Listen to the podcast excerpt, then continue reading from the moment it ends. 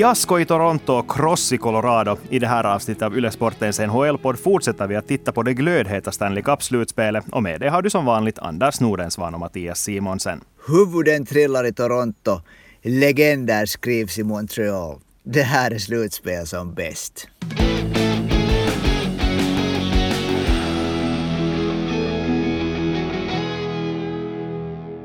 Ja, vi måste ju börja med att snacka om slutspelets stora skräll. Montreal Canadiens slog ut Toronto Maple Leafs och är klart för divisionsfinal i den kanadensiska divisionen. Och nu konstaterar vi ju, Anders, att Montreal skulle vara en svår motståndare för Toronto, men visst trodde vi väl ändå båda på att det inte fanns en chans i världen att Montreal faktiskt skulle lyckas slå dem. Speciellt efter att de låg under med 1-3 i matcher. Nej, det här, det här skulle ju inte hända. Det var så att Toronto måste slå knut på sig själv för att inte vinna den här serien. Och det gjorde de en, en gång. Femte våren i sträck som de åker ut direkt när slutspelet börjar. I grundserien var Toronto totalt förkrossande och de var överlägsna liksom mot, mot, mot Montreal också. Av, av tio matcher så vann Toronto sju.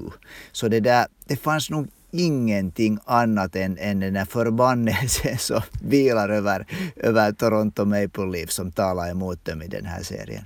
Nej, alltså det är ju så fantastiskt otroligt att det gång på gång går så här för Toronto. Det, det här var en matchserie som de skulle vinna. Det här var deras år. Det här var det året då de skulle gå långt. Det här var ett lag som var så otroligt bra i grundserien. Och så faller de ut direkt. Jag vet inte liksom vad man ens ska säga. No, det som man kan säga är att det som kritikerna hela tiden har sagt är att Toronto har liksom, att det fattas vissa sådana här äh, grejer, vissa, vissa bitar från Toronto. De litar fruktansvärt mycket på den här offensiva gladhockeyn som, som det där äh, går, som, som fungerar bra i grundserien. De har Auston Matthews, de har John Tavares, de har Mitch Marner, de har liksom, och så har William Nylander ni har en back i, i Morgan Reilly som, som det där som är jättebra på att, på att liksom backa upp spelet. Men så har de sina brister. Bland annat en brist som jag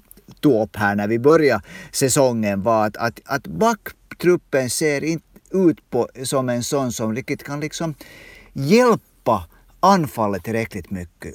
Och Toronto hade en back som skulle ha kunnat göra det här. Jag tar ännu en gång upp Mikko Lehtonen, vi har snackat om honom tidigare. En kille som har varit med om att vinna VM-guld, en erfaren back som skulle ha varit, kunnat vara det här andra parets spelförande back. Så liksom, de litar lite för mycket på de här sina sina 30 miljoners äh, gubbar. Alltså det är tre killar som får över 30 miljoner i lön sammanlagt. Men, men samtidigt ska man ju lita, man ska kunna lita på dem om man betalar så där mycket i lön för dem. De får en enorm procent av lagets salary cap går till de här vissa spelarna som ska leverera då där det behövs som mest, alltså i slutspelet. För att jag tycker helt att du satt, jag tycker att du satt hammaren på spiken här, att det är ju anfallsspelet som har varit det stora problemet. De har inte lyckats göra mål. De gjorde ju, i en match vann de 5-1, en annan match vann de 4-0. Och de här matcherna så såg det ju ut, det såg ut som det Toronto som vi kanske förväntar oss att se i slutspelet. Men sen de här andra matcherna lyckas de med nöd och näppe sätta in ett, ett mål.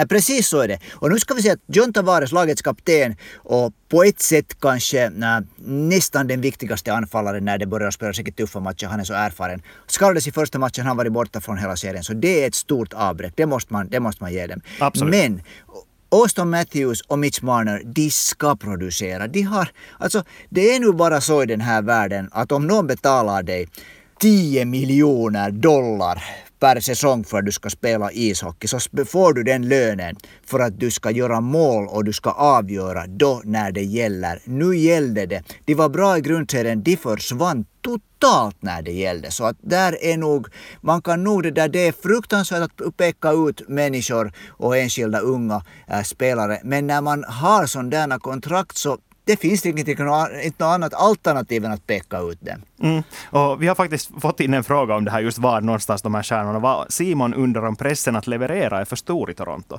Kan det helt enkelt vara förklaringen? Pressen att leverera är ju för stor både i Toronto och Montreal också. Det, där, det är ju hemska städer att spela om inte spelet löper, löper det där. Och Toronto är ju så på något sätt, det har blivit så schizofrent där när de aldrig når någonstans som sagt femte våren i rad som de direkt åker ut. Det är liksom, pressen är helt grym och, och det där, frågan är att hurdana spelare finns det som kan leverera under den största pressen? Det finns nog också sådana spelare tycker jag. Jo, absolut. Det har vi ju sett i de andra slutspelserien där, där kärnor har stigit fram. Men mer om det senare, det kan vi väl lova i det här skedet av det här avsnittet. Men om vi då börjar titta på Montreal istället, för Torontos uselhet i all ära, så nu måste man ju säga att Montreal gjorde en hyfsad slutspelsserie ändå.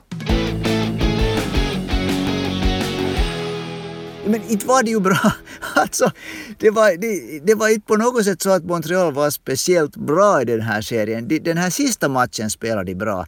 De sjabbla bort i två matcher efter varandra två måls ledningar så Toronto fick, kom, kom ikapp och så gick det till övertid och de vann på övertid match äh, fem och match sex. Toronto hade alla möjligheter att liksom vinna den här matchen för Montreal så liksom inte, de var, de var verkligen tillbakapressade och, och det där äh, var inte på något sätt övertygande men, men på något underligt vis som en stor hjälp av målvakten Carey Price så lyckades de sig slingra, slingra sig igenom. Jag tror inte att de skulle ha slagit ett enda av de andra lagen som har gått vidare i det här slutspelet. Ja, Carey Price måste vi ju lyfta fram i det här skedet. En alldeles otrolig insats, speciellt efter att ha varit så totalsågad som han har varit under den här säsongen. Men det här är just det som, som de här gör i de här två städerna, Montreal och Toronto. De sågar alla hela tiden om det inte, inte allt går fullständigt som, som, liksom, som en dans. Carey Price är som tur en så grymt erfaren målvakt. Han vet vad han har gjort, han vet hur bra han är. Att han låter sig liksom inte bekomma av det här. Men det där, när det går under, det går liksom, det är många som äts upp av det här trycket i de här två städerna. Mm, det har vi fått ett bevis på den här säsongen. Jonathan Duran har ju inte spelat på grund av, nu vet vi inte exakt vad orsaken är, men det låter ju mellan raderna som att han fick nog av just den här kulturen. Att han som en egen son, en, en fransktalande kanadensare, en sån här som ska vara den stora symbolen för Canadiens, när han inte lever upp till de alldeles grymma förväntningarna som sätts på honom av fansen, så totalsågas han. Och det, alla klarar inte av det. Alla har inte det, det, alltså, det går ju inte ens att föreställa sig hur det är att vara i det där läget. Nej, det är, nog, det är brutalt och det har ju blivit värre och värre och värre såklart i och med, att, i och med nu att, att alla har sociala medier och det är så lätt att, att såga någon, det är att. Det är till och med rätt att komma åt att liksom direkt skicka svinaktiga meddelanden till, till spelarna i fråga. Så det är nog det där, det är någonting som eh, jag tror att i, i både i Montreal och Toronto borde kanske diskuteras lite mer att hur mycket får man, får man det där vad får man säga, vad får man inte säga? Mm. Och jag tror nästan att man måste ha en liten sån attityd som Carey Price har. För har, har du till exempel tittat på de här presskonferenserna efter matchen? Ja, Ja, det är ju liksom alldeles otroligt hur han sitter där och, och, och, bara inte verkar bry sig överhuvudtaget om vad han just har gjort eller vad, vad laget just har åstadkommit. Han sitter där och ungefär som att sitta på kaffe hemma hos svärföräldrarna och svarar artigt på frågorna. Och det här är ju å andra sidan sen så det där ska vi säga att målvakter så den blir man ju inte klok på. Jag tycker att om du ser typ, Tuukka Rask efter, presskonferens, efter matchen presskonferens så inte vet man riktigt Ossi vad han egentligen säger där. Men hej, vi måste ta och fokusera också på de finländska spelarna i Montreal, för nu det är många finländare som tog ett steg framåt i slutspelet och den kanske mest synliga av dem så är ju Jesperi Kotkaniemi. Alltså så härligt. Alltså, alltså, det är ju, nu blir man ju så otroligt glad när en sån här ung kille, han är 20 år gammal, så att han är verkligen en, en, liksom en pojke ännu. Att han han stiger fram, han var, han var petad i första matchen, sen gjorde han tre mål sammanlagt i de följande sex matcherna. Det betyder att han nu har gjort sju mål i de 16 slutspelsmatcher som han har spelat under sin karriär. Det är liksom helt otroligt att han får göra det här liksom overtime målet i match nummer 6 eller får och får han gör det och, och det, hans smil efter det, så nu är det, det värmer ju nog hjärtat. Mm, och speciellt efter att han bänkades i den här första matchen. Det var ett, för, ett beslut som jag inte förstår mig på. För Kotkaniemi har ju redan visat det, att han är en sån som taggar till rejält när det blir slutspel. Och så tar man och bänkar honom i den första matchen, sen kommer han tillbaka och gör genast ett mål. No, han blev grymt kritiserad, alltså till tränaren Dominic Duchamp för det här beslutet. Av all orsak. Liksom, jo, i, I Montreal av sådana här liksom die hard Montreal-fans de har ju en egen sån här eh, podcast också som bara han, handlar om, om det där om, om Habs. Så det, där, det, det, var, det var någonting som kritiserades grymt och så kom han ut och han visade vad han går för. Och så måste vi nog också säga att Joel Armia var verkligen bra. Han på sitt sätt, han tände ju Montreal till den här striden. när De låg under 3-1 i matcher. I den där femte matchen gjorde han Montreals två första mål och han gjorde dem inom några minuter. Så det var på något sätt, han tände laget. Mm. Det var han som stod för startskottet som vände serien kan vi väl nästan konstatera. Inte det kan jag, vi säga. Jag tycker inte alls att det är överdrivet. Nej, nej och, och, det där, och så fanns det ännu en spelare som tyvärr blev skadad alldeles i början. Arturi Lehkonen som var grymt viktig när de vann den där första matchen. Och, och, han var ju också en spelare som var med om att ta Montreal till slutspelet. Det var ju verkligen, det var ju verkligen på vippen att Montreal skulle ha blivit utanför hela slutspelet. Så det där, de här våra finländska spelare där har nog det där, de är inte grymma stjärnor i Finland är de ju inte, men de har nog gjort bra ifrån sig. Och det som är lite roligt också är ju nu det att Joel Armia ställs mot sitt tidigare lag, Winnipeg Jets, i den följande omgången. Vad ska vi tro om det matchparet? Jaha, då har vi liksom Winnipeg Jets som var formsvagast av alla lag i NHLs grundserie från ungefär mitten av april till, till grundserien tog slut. Och Montreal som var där kring 17-18 av 31 lag. Och nu spelar de om kanadensiska mästerskapet. Om vi ser på hur det har gått i grundserien så spelar de nio matcher mot varandra av vilka eh, Winnipeg vann sex, tre på, i förlängning men tre också på ordinarie speltid. Så Winnipeg har på det sättet som man brukar säga, eh, Montreals nummer. Ja, men som vi såg i den här serien mellan Toronto och Montreal så betyder det ju ingenting nu när det är dags för slutspel. Jag åtminstone, Absolut ingenting. jag åtminstone ser inte att någon orsak till att Winnipeg skulle vara så överlägsna som det känns som att folk ändå lite tror att de kommer att vara. Att, att man kanske har tolkat det här att de slog Edmonton i en så övertygande stil att de också kommer att vara klara förhandsfavoriter mot Montreal. Men samtidigt, jag menar, helt som du sa, Montreal gjorde inte världens bästa matcher men lyckades ändå vända dem till seger. Och det, det är den sortens seghet som är guld värt ja. i slutspel. Speciellt när det, det handlar om den kollektiva laginsatsen. Alltså jag tror det kommer att bli en helt fantastisk där, äh, serie det här, för båda har egentligen nu överträffat det vad, vad som väntades. Så de har båda bara att vinna. Och, och jag tror precis som du att att allt, man kan sätta allt nu liksom, glömma allt som har hänt under det här året hittills. Det kommer att bli en serie som det där kommer att vara helt överraskande tror jag, på många sätt.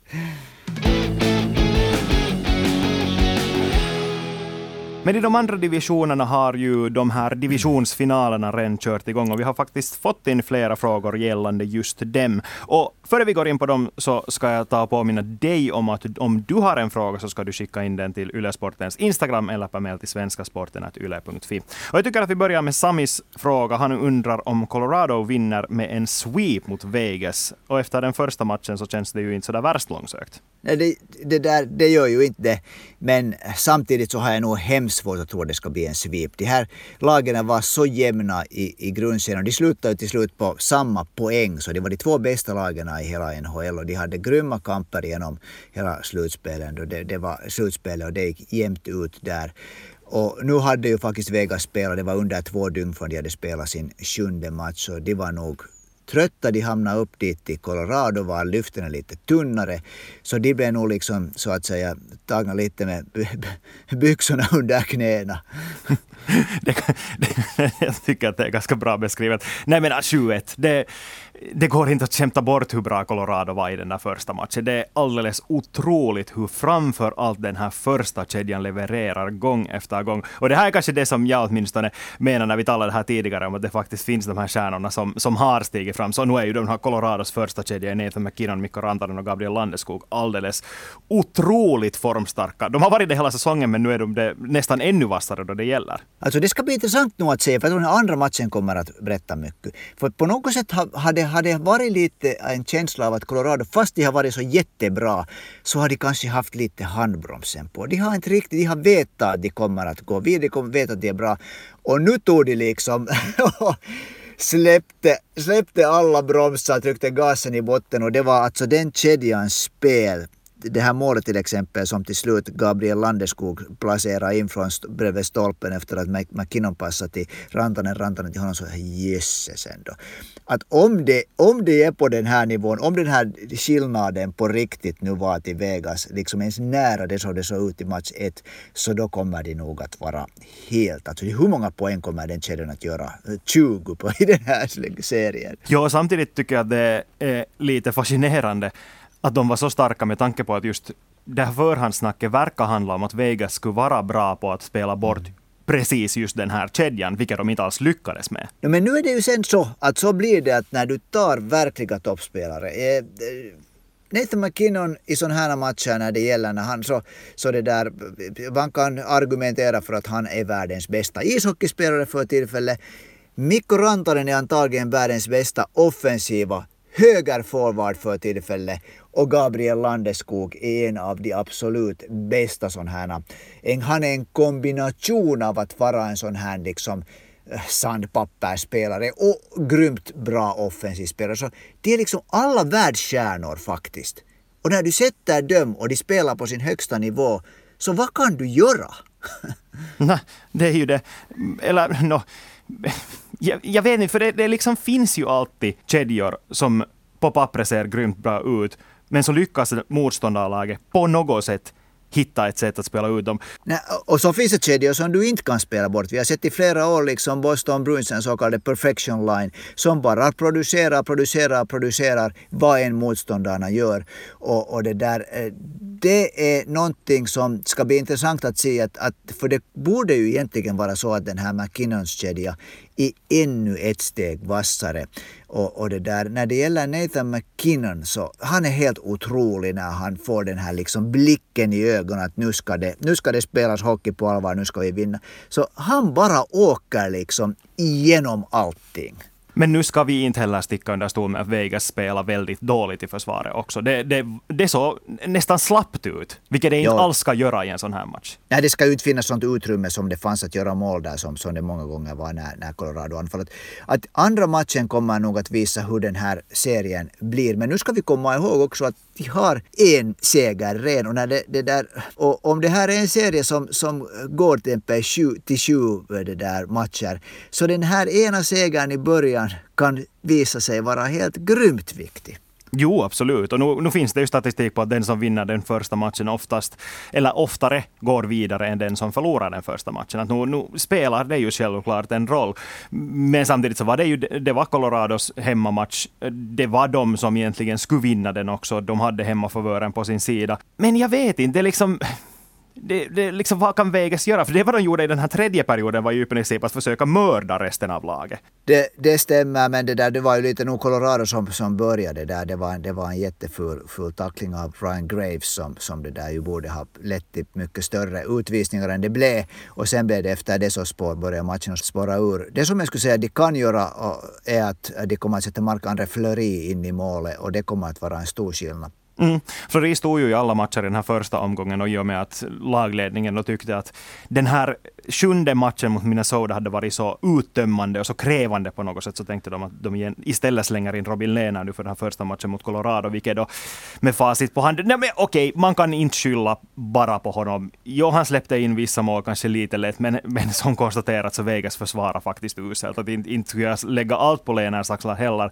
Men samtidigt så vet man ju också att det är en motivationsboost för laget när du lägger in en målvakt som du verkligen kan lita på, som du vet att har erfarenhet erfarenhet av att gå jättelångt hela vägen i, i Stanley Cup-slutspel och dessutom redan har en grymt bra slutspelsserie i nacken. Så det, det kan bara ha en jättestor betydelse. Ja, det där första målet som Mikko Rantanen sköt från backhand. Så det var ju såna, det var, det var en sån liksom, det är ju såna, såna uh, mål som får liksom laget att, att liksom lite att vad, vad händer, vad händer? Det där, nu, är vi, nu blev vi liksom efter. Och det där samtidigt så får Colorado den här boosten att hej, vi fick ett ganska enkelt mål. Och det var, det var väl ett någorlunda perfekt backhandskott men i princip så borde Lennart ha, ha tagit det han såg det och det kom från backhanden och det gick in över hans axel och han är en stor, stor kille. Det var definitivt ett mål som, som det där tror jag att var, det slog hårt till mot Vegas.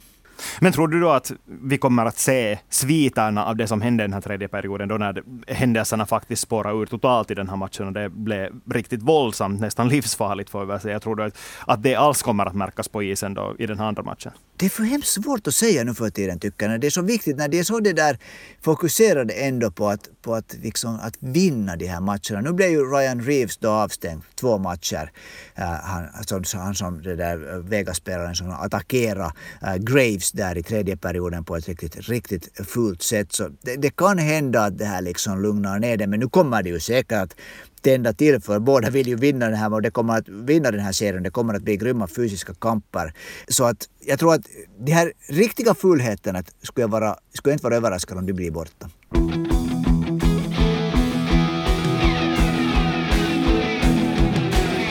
Vi har också fått in några frågor om divisionsfinalen i Central mellan Tampa Bay Lightning och Carolina Hurricanes. Så vi kan börja med Thomas som undrar om det kommer att krävas sju matcher för att avgöra serien. Jag måste säga att jag hoppas det. det. det. är så fantastiskt spel. Det såg man redan i den första matchen. Där var båda lagen från början liksom färdiga för att spela. Det såg man. Det var, det var en, en av de bättre ishockeymatcherna jag har sett på länge. Jag hoppas verkligen att det blir sju matcher. Nej, jag, jag håller med. Det, eller man vill ju nästan att varje slutspelsserie i NHL ska bli sju matcher just för att det är så grymt underhållande när det blir det. Men jag tror också faktiskt att det här är den som kan bli sju matcher lång. För eh, ja, Carolina var lite illa ute mot ett ganska otippat svårt Nashville. Tampa Bay var ändå sista slutligen klart bättre än Florida. Men samtidigt tror jag nog ändå att Carolina har mer att ge än vad de har visat så här långt. Och nu svänger det ju också för Carolina hade ju verkligen pressen på sig att vinna Nashville. Det var, det var skyhöga favoriter, de skulle klara av Nashville. Nu tror jag att det inte finns någon som kan säga att Carolina, trots att de samlar mera poäng i grundserien än Tampa, är favorit mot regerande Stanley Cup-mästaren som inte har blivit sämre på något sätt egentligen. Så att jag tycker att, att det är egentligen så att, att Carolina har, hur ska man säga, en sån här mental medvind för att göra väl ifrån sig i den här serien? Jo, det har de, de har ju liksom en stigande formkurva så här på ett långt perspektiv. Om vi tittar flera år så har de hela tiden bättrat på, bättrat på, bättrat på. Men samtidigt så känns det fortfarande som att de här lilla små grejerna, de här att spela i gråzonen, lite så här fula tag, att det, det fortfarande känns mer som att det är Tampa Bays grej. Det är någonting som de kan använda till sin fördel i den här matchserien mot Carolina på samma sätt som de gjorde mot Florida Panthers. Och jag vet inte, det kan vara att det till och med räcker till för att rubba ett, ett annars så välsmort maskineri som Hurricanes har varit den här säsongen. Alltså Tampa är ju ett speciellt lag på det sättet att de kan spela all hockey som man liksom slänger mot dem. De kan vara tuffa, de kan spela riktigt fult, de kan spela grym sån här tempohockey, de har skicklighet. Den här matchserien för mina tankar lite till en sån, sån, sån, sån det där äh, duell i tiderna som var mellan New York Islanders och Edmonton Oilers. När Gretzkys Oilers var på väg uppåt och New York Islanders satt där uppe på tronen. Och då var liksom Islanders det här laget som, som kunde spela alla typer av ishockey medan Edmontons sätt var att liksom köra, köra, köra. Nu är det ju inte på, riktigt på samma sätt men, men det, det, finns liksom vissa, tycker jag, sådana här likheter i det här. Vi har det erfarna äh, Tampa och vi har ett Carolina som fort, fortfarande håller på att utvecklas för ett riktigt ungt lag. Ja, frågan är väl vad som, är mer, vad som kommer att vara avgörande i den här serien.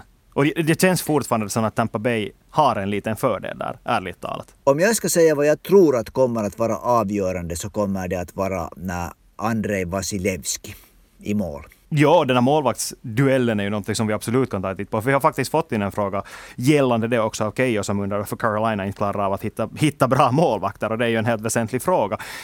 Jag tycker inte att de har haft dåliga målvakter, men inte har de ju haft en kärna som Andrei Vasilevski inte. Och, och, och i en sån här jämn slutspelserie så kan det faktiskt vara tunga på vågen. Ja, alltså Vasilevski var ju nog helt grym i den här första matchen. Han är, han är det där så, så självsäker och när han har sådana här Eh, erfarna, starka backar framför sig som är kanske ganska bra på att hålla de här lite lättare Carolina-spelarna utanför bästa skottsektorn. Så det där, Carolina måste nog hitta på någonting för, verkligen för att, för att överlista honom tillräckligt många gånger i den här serien. Mm. Men jag tycker att Keyes fråga är ganska intressant ur det perspektivet att, att är det faktiskt så att man måste ha en målvakt som är inte nu lika bra som Vasilevski, men ens i samma diskussion för att gå långt i slutspel? Eller, eller räcker det med att ha någon i jätteelaka termer, en medelmåtta som Alex Nedelkovic? No, alltså Nedelkovic har ju nog inte, tycker jag, varit medelmåtta under den här våren. Jag tycker nog att han har varit bra. Men vad som sen räcker mot sådana här killar som Stamkos och Kutjerov och Braden Point som gör mål på varannan chans de får, så det kan hända att det inte är någonting som räcker. Nu måste man ju lyfta fram att det är ju inte bara målvakten som ska se till att det inte blir farliga målchanser, eller att rädda de här farliga målchanserna när de väl skapas, utan nu, nu är det ju lagets uppdrag också att spela bra framför sin målvakt. Och, och, det är ju, så Carolina gör, spelar nog ett våldsamt bra försvarsspel. De har liksom, hela laget, men de har, de har jättebra backar. Till exempel just Jacob Slavin, äh, Brett Pesci och Jani Hakanpää som om man tänker på den defensiva, defensiva liksom, de här stora, tunga spelare så de är nog jätteviktiga. Och så Dougie Hamilton, fast han har kanske en lite mer offensiv profil. Så det där. Men, men alltså, Carolinas lagförsvar måste vara liksom perfekt för att det ska gå vägen det här. Jag ska också kanske fokusera uttryckligen på lagförsvaret, inte de här stora bjässarna. För ja, de är stora. De ser till att det inte kanske står någon framför målen, men med tanke på hur, eller med vilken fart Tampa Bay kan mala på i anfallet. Så, så om du har en stor kille där så hänger de helt enkelt inte med. Nej, det är sant. Det är sant.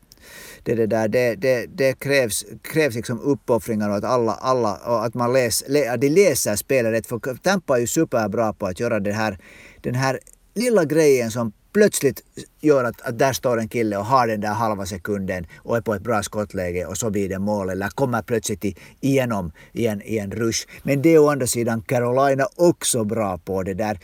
Det ska bli otroligt intressant att se om Sebastian Aho nu, han, där, när han har tuffaste möjliga motstånd, lyckas han liksom ännu bli lite vassare. Eller lyckas han liksom hålla sin nivå också i, det här, i den här matchserien.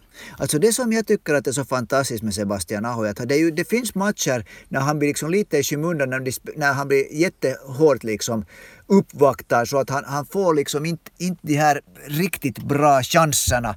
Men så hittar han ett sätt att avgöra som de här två, två styrmålen mot det där Nashville i den här avgörande matchen. Då hade han efter sex matcher så hade Sebastian Aho gjort fem mål. Det är helt otroligt att han är liksom han hittar det här sättet att vara nyttig och han hittar det här sättet att avgöra. Och han är nog han är en unik spelare tycker jag med, med liksom ur finländskt perspektiv.